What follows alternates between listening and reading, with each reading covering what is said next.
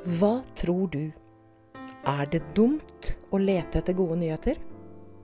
Er det naivt å tro på det beste i mennesker? Eller helt virkelighetsfjernt å se lys på fremtiden? Hjerneforskningen sier et klart nei til disse tre relativt ledende spørsmålene. Og derfor så vil du nå få noen av de beste nyhetene som jeg har funnet i 2023. Velkommen til Oppdrifts årskavalkade.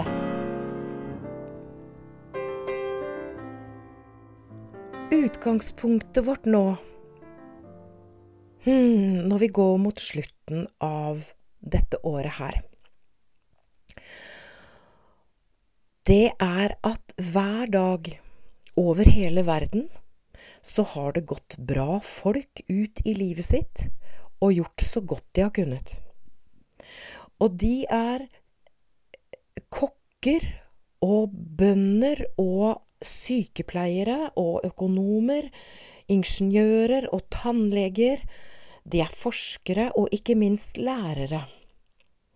Og de er mødre og fedre og tanter og onkler. Og du er en av dem. Din stemme og det du bidrar med, det betyr mye. Uansett hva du måtte finne på å fortelle deg sjøl for tida. Og jeg ser deg for meg eh, Kanskje er du ute og går en tur. Kanskje hører du på i bilen. Eller kanskje har du lagt deg til i sofaen. Sånn som jeg har akkurat nå så sitter jeg, vinden hyler utafor. Vinduene mine på Røros, det snør. Og jeg tenker på deg, og jeg tenker på oss, og jeg er så utrolig takknemlig for at du er med på den reisen i oppdrift. At du er innom og hører på noe av det vi driver med her. Det er den beste nyheten jeg kan få og jeg eh, får Eller det, det beste jeg Den største gaven du kan gi meg. Og det er også måten å spre oppdrift på. Så det er sånn Vi kan jo tro at verden blir verre og verre. Og uansett hva vi tror, så har vi veldig godt av å tro at du og jeg har muligheten til å gjøre noe med det. Og det er sånn faktisk at det ville vært riktigere og Altså, det ville vært riktigere av NRK å sende Norge Rundt hver dag og Dagsrevyen en, gang i uka. Det ville gitt et, et riktigere bilde av hvordan verden utvikler seg. Og likevel så er det gærne ledere som får oppmerksomheten. Eh, det er de som skaper problemer, som får oppmerksomhet, i stedet for de som har løsninger. Og det er en grunn til det. Og den kommer jeg med snart.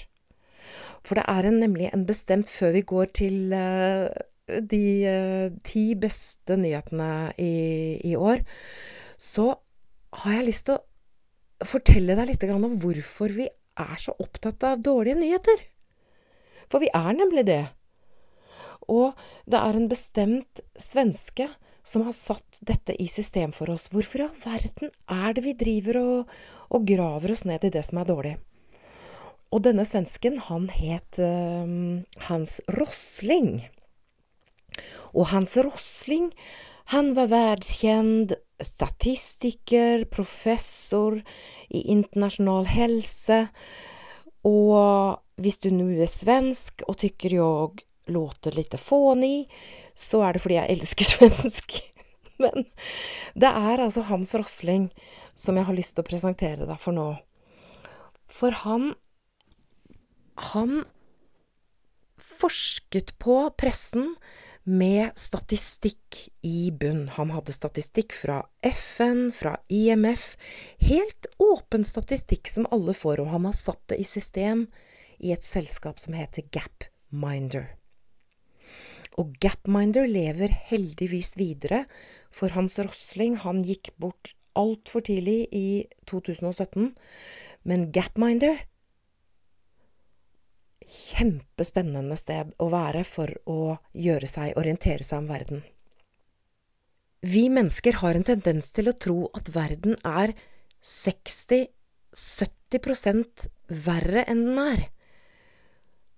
Dette skriver Hans Rosling i sin verdensberømte bok Factfulness.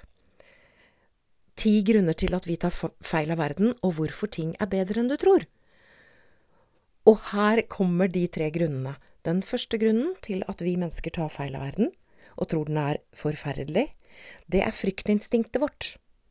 Vi har, vi har snakket om det før her i Oppdrift, hjernen vår er skapt for å finne farer. Den er skapt for å gjenkjenne feil og det som kan utsette oss for for, eh, for død og fordervelse. Og dette er den gammeldagse hjernen vår. Hjernen vår er ikke skapt for 2023, den. Å, den er skapt for å være kjemperedd. Og jeg vet ikke om du gjenkjenner det, jeg gjenkjenner det i hvert fall. Og veien ut av det fryktinstinktet, det er å gjenkjenne bekymringstanker, katastrofetanker, og praktisere en sånn ømhet for den rare, nydelige, rare tendensen vår til å være redde. Det er ikke noe rart at vi er sånn. Hjernen vår er skapt for det. Så altså ømhet, veien ut av fryktinstinktet. Det er ikke noe rart at vi er redde. Og så er det polariseringsinstinktet. Det er det andre. Og ikke noe rart det heller, fordi vi trenger å forenkle verden. Og for å få gjort det, så har vi en tendens til å dele verden i enten god eller dårlig. Enten så er det noe som er Enten er de slemme eller snille. Enten er det fælt eller bra eller lyst eller mørkt. Kan du kjenne deg igjen? Jeg kjenner jo faktisk på fryktinstinktet her jeg sitter og sammen med deg. Og jeg, jeg, jeg kjenner også på polariseringsinstinktet, fordi at jeg tenker Er dette her bra nok, da? Er det, er det en bra nok episode, det her? Ikke sant? Det må jo være mye bedre hele tiden. Nå Nå må jeg le litt og ta en liten slurk med te. Jeg tillater meg det sammen med deg, fordi jeg kjenner meg trygg. Når jeg tenker på at du sitter og hører på, og at du er et menneske, du også, som gjør så godt du kan, så blir jeg litt letta og tar litt te. Men altså, vi var på instinkt nummer to. Eh, med den polariseringen som vi gjør for å forenkle. Og veien ut av den, det instinktet, det er å lytte. Være nysgjerrig på folk som er uenige med oss, eksempel. Være nysgjerrig på nyansene i historiene. Og igjen kultivere en ømhet for at dette er vanskelig. Det er ikke noe rart at vi hopper ned i eh, polariseringer. Hva er det det heter? Ekkokamre. Altså kamre som mener det Folk som mener det samme som oss. Det er veldig deilig. Det er ikke noe rart. Men for å komme ut av polariseringen, så er det lurt å gå ut av ekkokamret. Og her kommer det tredje instinktet til Hans Rosling. Det heter størrelsesinstinktet. Og det er at vi har en tendens, for å få øye på det, eller for å forenkle ting også, til å kjøre saker og historier og ting ut av proporsjoner. Altså feilvurdere størrelsen. Og det er her vi f.eks. overvurderer systematisk hvor dårlig det står til i verden, og hvor ille det faktisk er. Eh, hos eh, Gapminder, da. Jeg anbefaler Gapminder igjen. Du finner det lett på nettet. Der kan du ta sånn quiz om hvordan uh, Om forskjellige spørsmål om hvordan det står til i verden. Og blant annet der så viser det seg at 60-70 av oss eh, overvurderer systematisk hvor mange som er fattige i verden. Hvor mange, hvor, hvor mange det er på flukt, hvor mange mennesker det er på flukt. Altså, vi, vi har en tendens til å få det ut av proporsjoner. Det betyr ikke at vi skal slutte å hjelpe. Skal, det betyr absolutt at vi, vi fortsetter å hjelpe, og vi fortsetter å gjøre så godt vi kan. Men vi får ting i perspektiv. Og i riktige proporsjoner. Sånn at vi ikke mister motet. Og ikke mister troen på at, at du kan bety en forskjell, og jeg gjør det også. Og eh, det mest kjente sitatet da, fra Hans Rosling, som har gjort den Altså, jeg er så takknemlig for den mannen. Han sier det som er så klokt, at det fins ikke rom for fakta når vårt sinn er okkupert av frykt. Og det betyr at hvis vi Altså, flere og flere lar jo være å lese nyheter fordi det er så fryktbasert. For det finnes ikke Vi kan ikke ta inn fakta når vi er redde. Men vi kan være klar over at vi blåser opp dårlige nyheter. Og vi kan være kresne. Vær kresen på hvor du får nyhetene dine. Jeg anbefaler å få dem fra Gapminder, eller i hvert fall sjekke dem hos Gapminder. Og de jobber som sånn quiz-basert Det er som et spill. Egentlig, har du barn eller ungdom rundt deg? Gapminder er kjempefint for å, for å gjøre historie, geografi I det hele tatt leke med statistikk. Og nå, uten noe mer om og men, så kommer de beste nyhetene jeg har funnet i 2023. Og jeg inviterer deg til å bli med underveis og tenke hvilke er de beste du har fått med deg. Kanskje du er helt uenig med meg, og det er helt nydelig. For da kan du dele eh, dine beste nyheter med dine venner.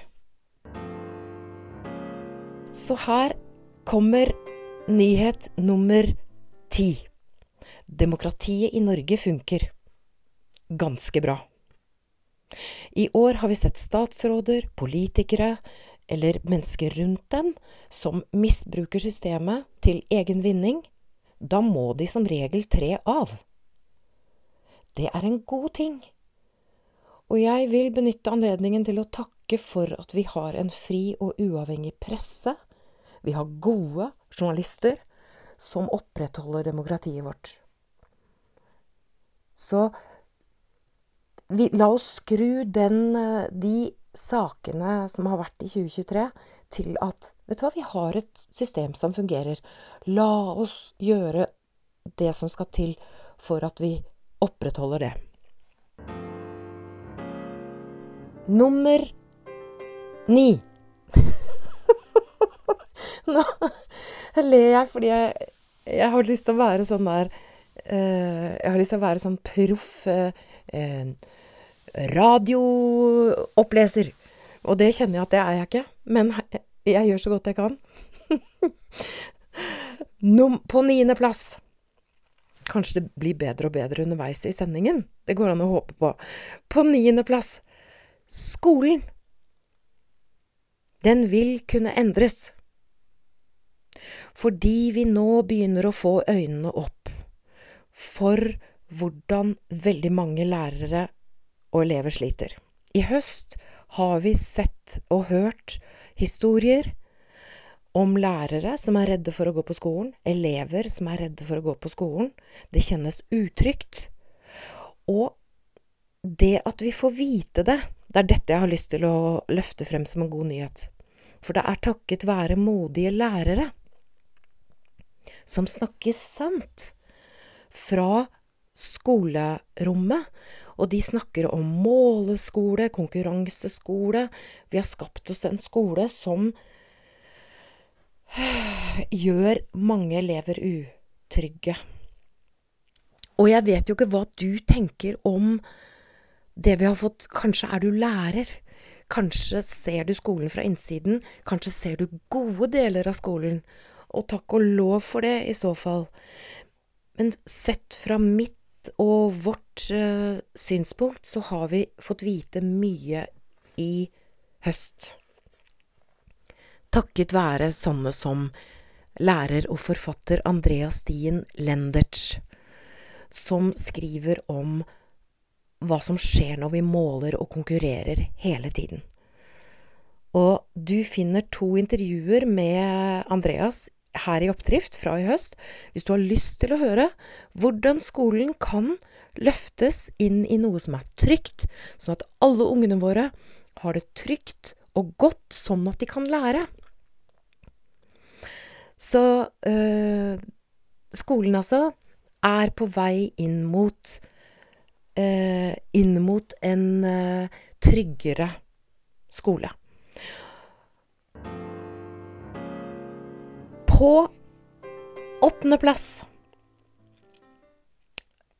et fenomen som heter Hopecore. Hopecore, har du hørt om Hopecore?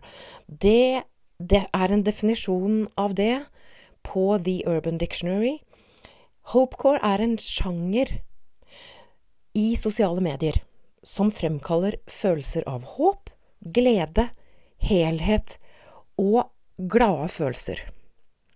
Altså, det kan være budskap om positivitet og håp, inspirasjon, bilder av søte dyr, som er i motsetning til den litt sånn selvironiske stilen. Som finner humor i angst og depresjon og selvforakt. Dessverre er det også en, et fenomen.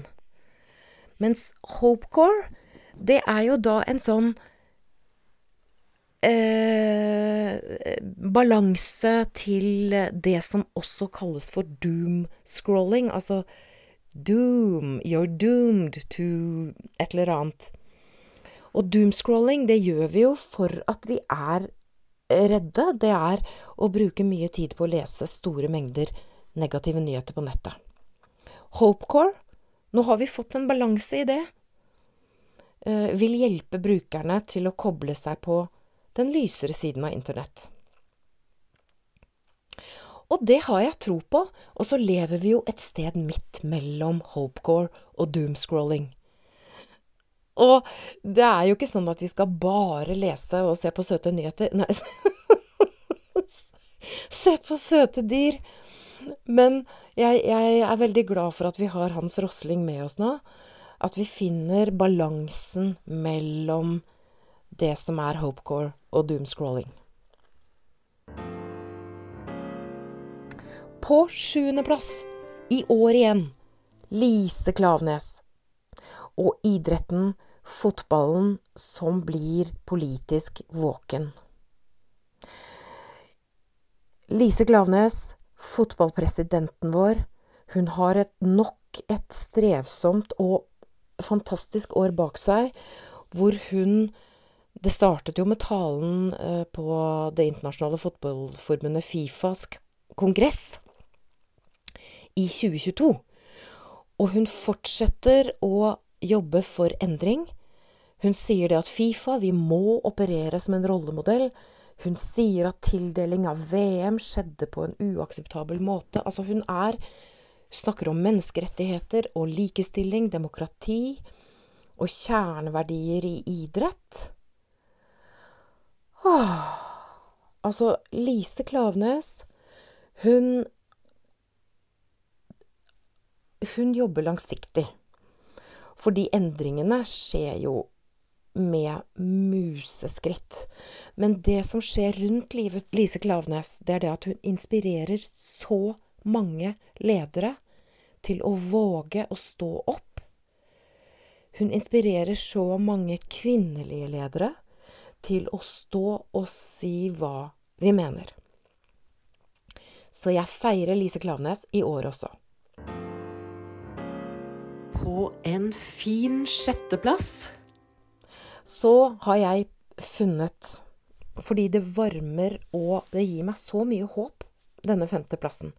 Og det er en organisasjon og en global bevegelse som du kan være med på hvis dette lander godt hos deg.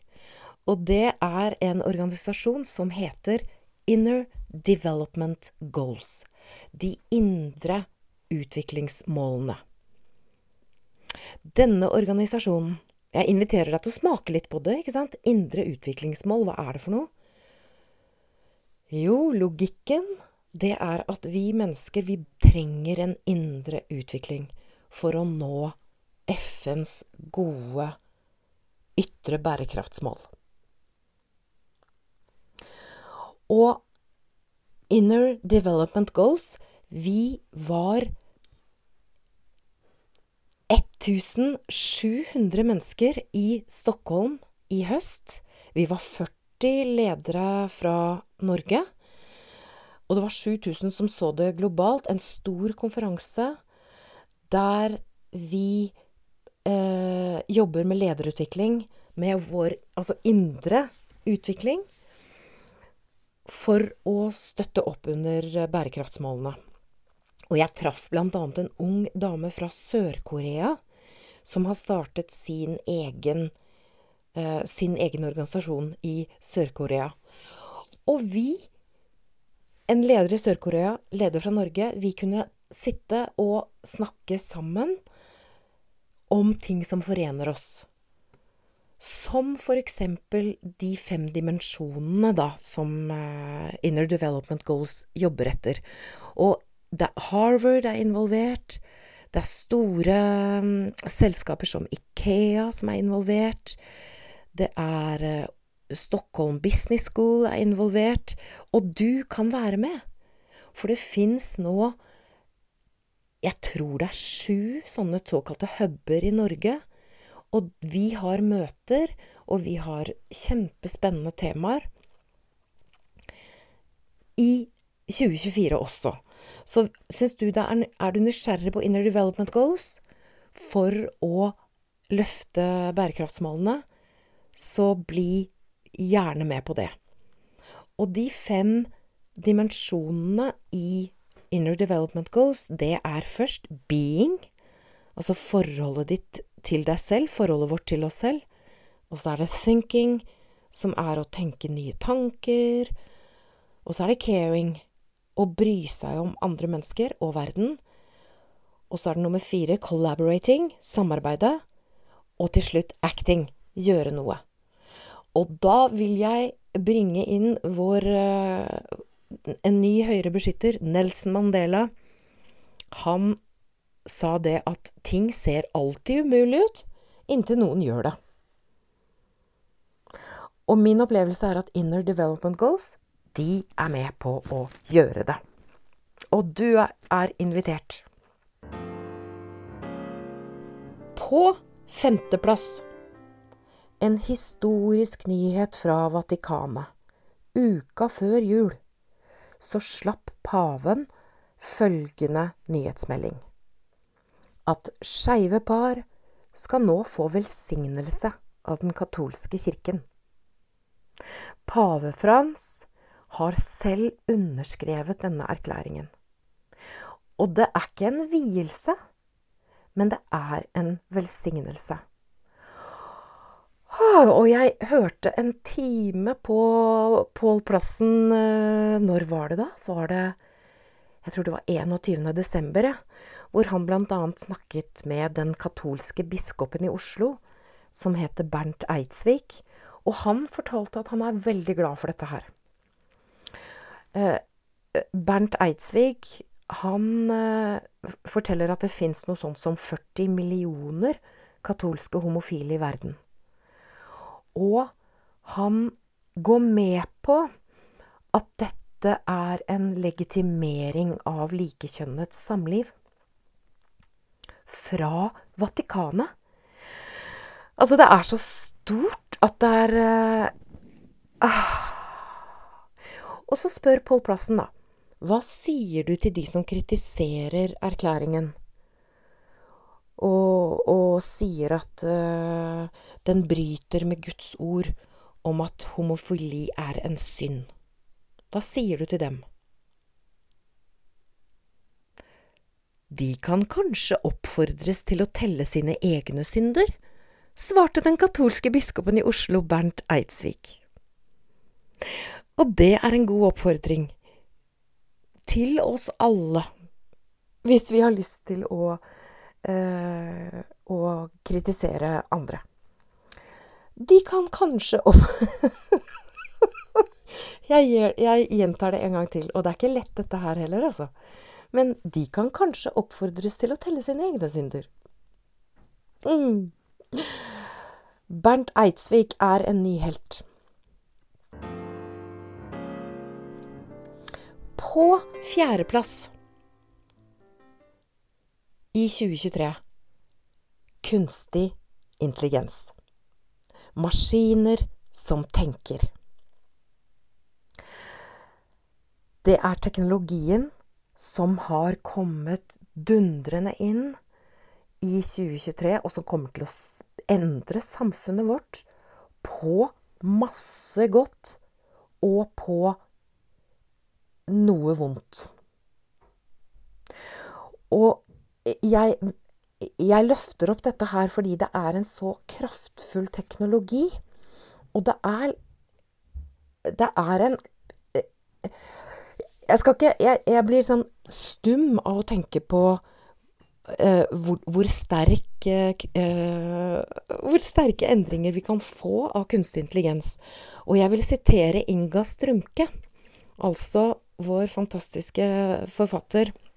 Hun er partikkelfysiker og førsteamanuensis innen kunstig intelligens ved NTNU. Og hun sier det at jeg tror ikke vi innser hvor stor påvirkning kunstig intelligens vil få, også i nær fremtid.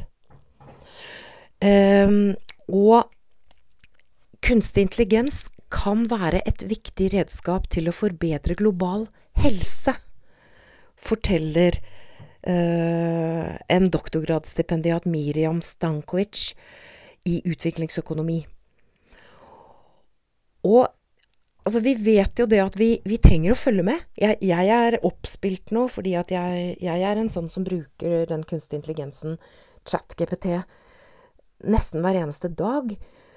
Og det betyr ikke at jeg ikke er engstelig og tenker 'herlighet, hva skjer?' Men jeg vil invitere deg til å være nysgjerrig. For det fins egentlig to veier med denne kunstig intelligensen. Den ene er å utvikle det selv. Bruke det. Ta ansvar og bruke det, og regulere det, da, hvis du sitter og er, er i posisjon til å regulere. Vi har jo kjempeflinke jurister. Så den ene veien er å ta ansvar og bruke det. Den andre veien er å være redd, ikke bruke det, og overlate det til kriminelle nettverk. Altså, det er jo ikke Jeg ler fordi jeg kom på at det er Det er ikke egentlig noe alternativ. Men jeg løfter det frem som en kjempenyhet fordi vi har muligheten til å løse kreftgåten, f.eks., raskere. Vi kommer til å Vi vet ikke engang hvordan det kommer til å forandre. Og så har vi heldigvis Inga Strumke. Og så har vi heldigvis professor Morten Gudvin som får pris for samfunnsbygging. Og så har vi heldigvis Hans Rosling, som minner oss på at det er ikke noe rart at vi er redde for den nye eh, kunstig intelligensen. Ikke noe rart i det hele tatt. Og heldigvis, nå kan vi gå videre til tredjeplassen. For der finner vi gunstig intelligens. Og jeg løfter det frem som en nyhet. Fordi at gunstig intelligens Jeg definerer det som den intelligensen som vet å skape trygghet og kontakt mellom mennesker. Gunstig intelligens, det er det som gjør at vi, vi kan lytte og lære. Eh, vi, vi, kan spre varme rundt oss, sånn at vi Vi eh, Ja, vi blir eh, rause. Eh, interessert i Mer interessert i å gjøre det rette enn å få rett, f.eks. Så jeg feirer gunstig intelligens nå. og signalene fra verdens ledende universiteter er helt tydelige. Du kan bare høre hva presidenten ved Columbia-universitetet i New York sier. Før handlet jobbene våre om muskler. I dag handler de om hjernen. I morgen vil de handle om hjertet. Og det er også takket være den kunstige intelligensen. Fordi når maskinene avlaster oss i massiv skala, så vil jobbene våre dreie seg om det som er helt unikt for oss mennesker. Altså hvordan kan vi hjelpe hverandre? Hvordan kan vi skru opp pågangsmotet?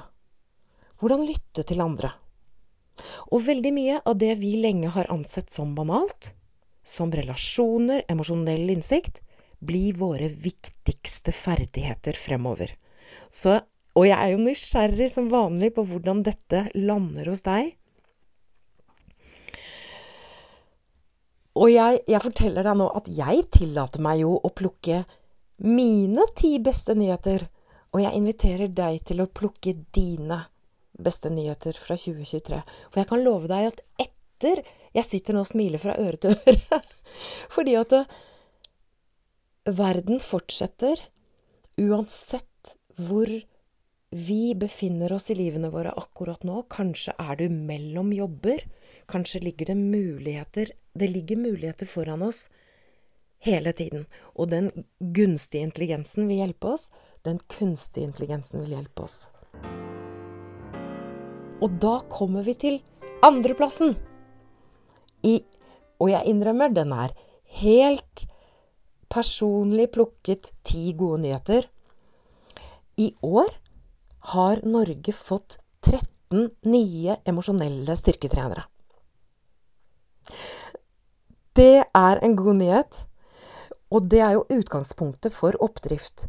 At du og jeg og alle gjør følelsene våre til vår styrke. På skolen og på jobben på butikken, i trafikken, det koker og bobler. Inni systemene våre. At vi tar ansvar for det og bruker følelsene våre til det gullet det er.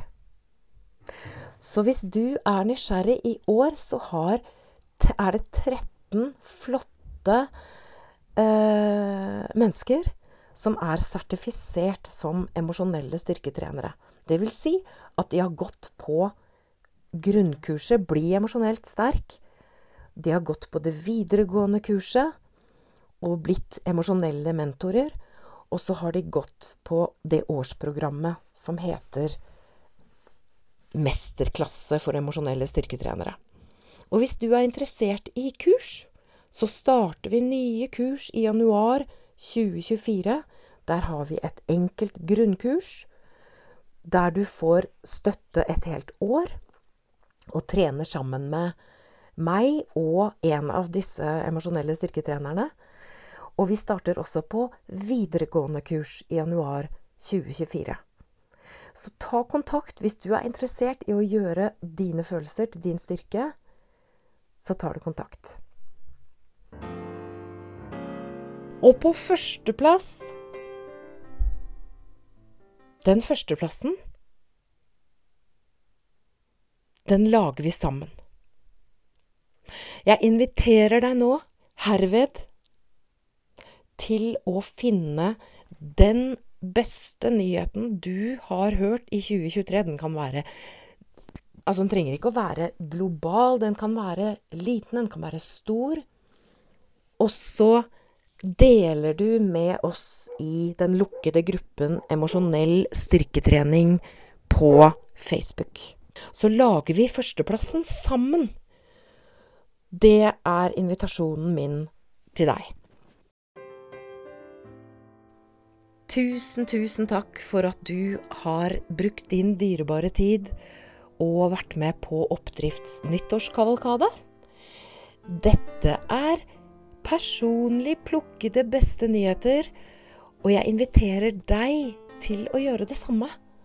Og jeg kan anbefale deg for jeg kan love deg at jeg sitter her og smiler fra øre til øre etter å ha fortalt og badet. Jeg føler at jeg har vært sammen med deg. Jeg føler at jeg har bada og dusja i godsaker fra i år.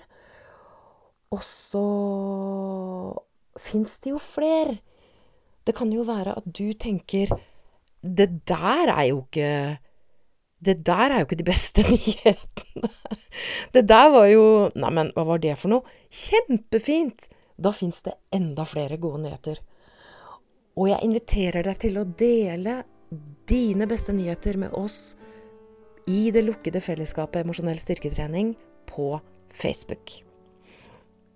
Og så takker jeg for følget i år. Det har vært så mye oppdrift for meg å være her sammen med deg. Og jeg håper at du har lyst til å være med neste år, og at du også kjenner oppdrift sammen med meg. Vi høres.